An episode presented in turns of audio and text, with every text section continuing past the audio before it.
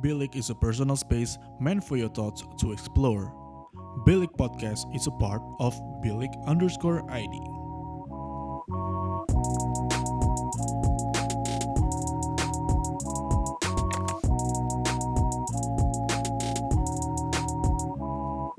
Bilik, your thoughts matter.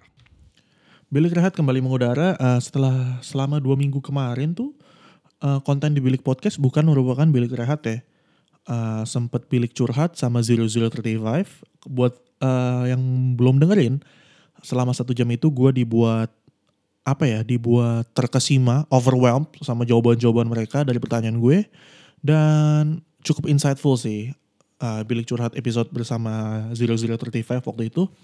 Dan uh, seminggu setelahnya itu sebenarnya nggak specifically gue bikin podcast tapi gue ada satu waktu gue nge-live Instagram buat uh, kontennya Bilik.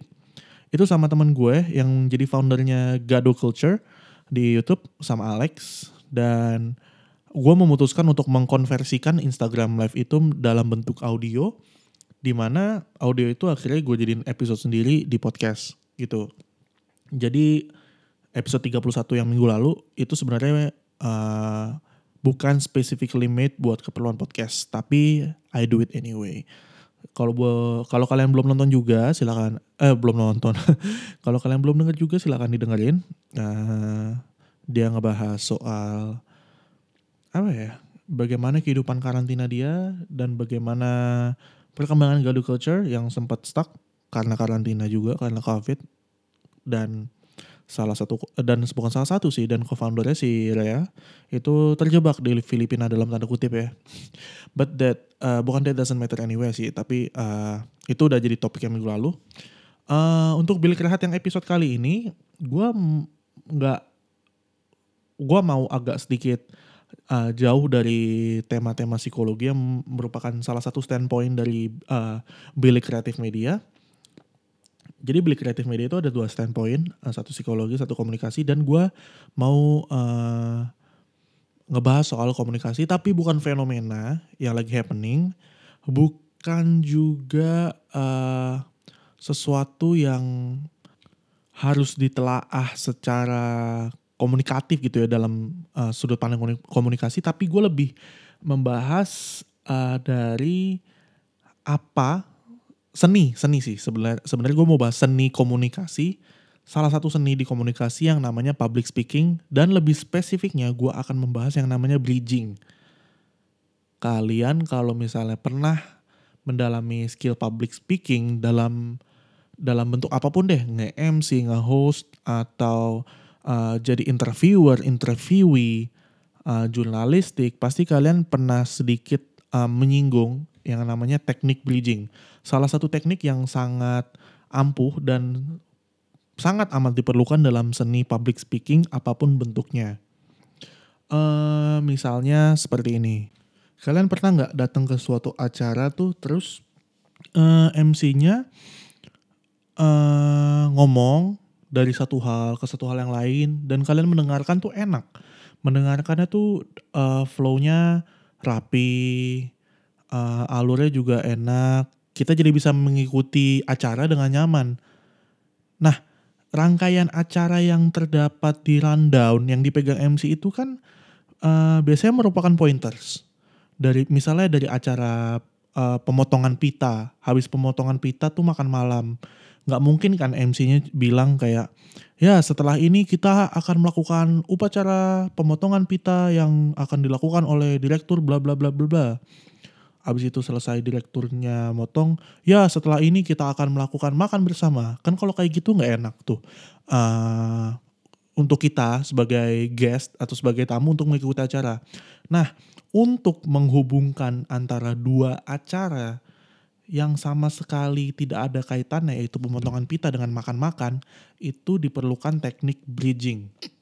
Sesuai namanya teknik bridging adalah jembatan menjembatani dari satu topik uh, menuju topik yang lain dan bagaimana jembatan itu uh, de, apa dibuat atau dirangkai sedemikian rupa supaya uh, perpindahan topik itu menjadi smooth, menjadi halus dan enak gitu. Jadi kalau bisa uh, kita sebagai tamu, kita sebagai guest itu nggak sadar bahwa ternyata MC itu sudah melakukan perpindahan topik.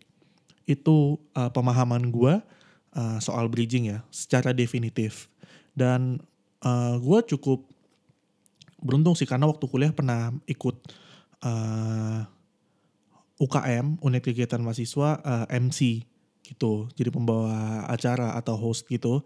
Dan uh, bridging ini adalah salah satu ilmu yang gue dapat selama UKM jadi meskipun gue nggak begitu mendalami dunia per MC-an untuk sekarang-sekarang ini ya ilmunya gue masih punya lah di dalam kepala nah uh, karena podcast ini pengen gue buat uh, agak singkat aja salah gue pengen langsung lompat ke Nah ini sebenarnya bridging yang jelek nih, karena abis gue ngomongin definisi, gue langsung lompat ke bagaimana cara melatih uh, bridging kita. Kalau waktu itu gue dilatih dengan cara uh, kita nge-random, apa, mengambil satu kata uh, secara random, dan kita coba membuat cerita, kayak kita berdongeng, berdasarkan uh, kata apa yang sedang muncul di papan tulis.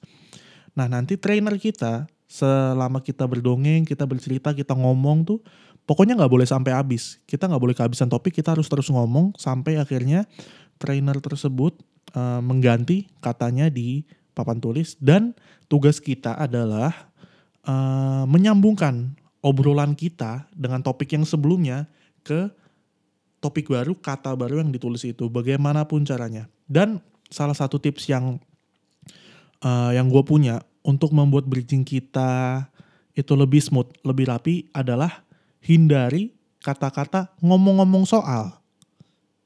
Misalnya, uh, hari ini gue uh, makan nasi padang. Nasi padang itu salah satu menu favorit gue di nasi padang adalah rendang. Nah ngomong-ngomong soal rendang nih, kalian tahu gak sih kalau rendang itu dari Padang?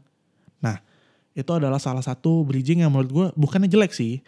Uh, ya jadikan ngomong-ngomong soal itu sebagai last resort aja lah menurut gue last resort banget kalau misalnya kalian memang bener-bener nggak punya cara untuk uh, untuk mengganti topik yaitu terpaksa sih kalian harus uh, pakai cara itu yang ngomong-ngomong soal itu dan bagaimana cara kalian untuk bisa bridging dengan baik ya banyak-banyak berlatih sih karena menurut gue keahlian, kemahiran kita dalam sesuatu itu datang uh, berkembang seiring dengan banyaknya pengalaman, banyaknya latihan.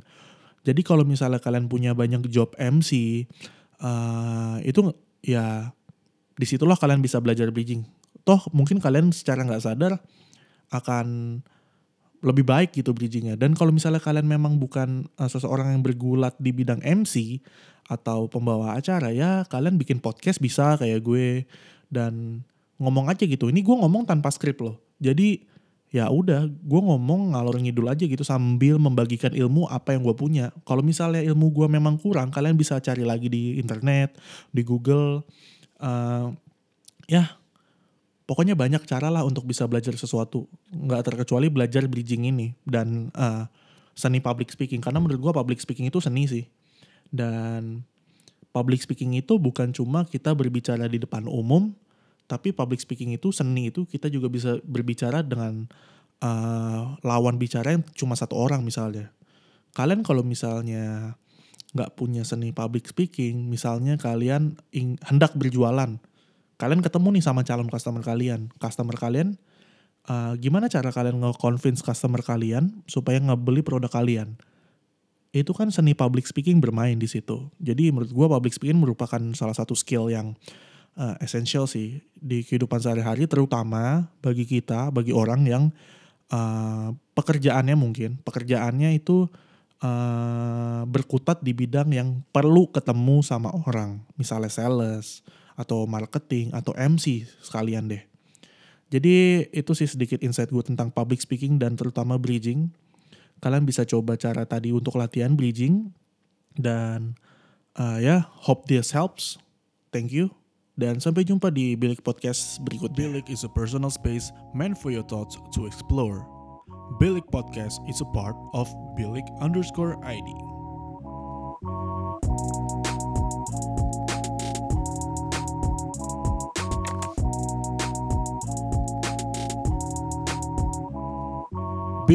Your thoughts matter.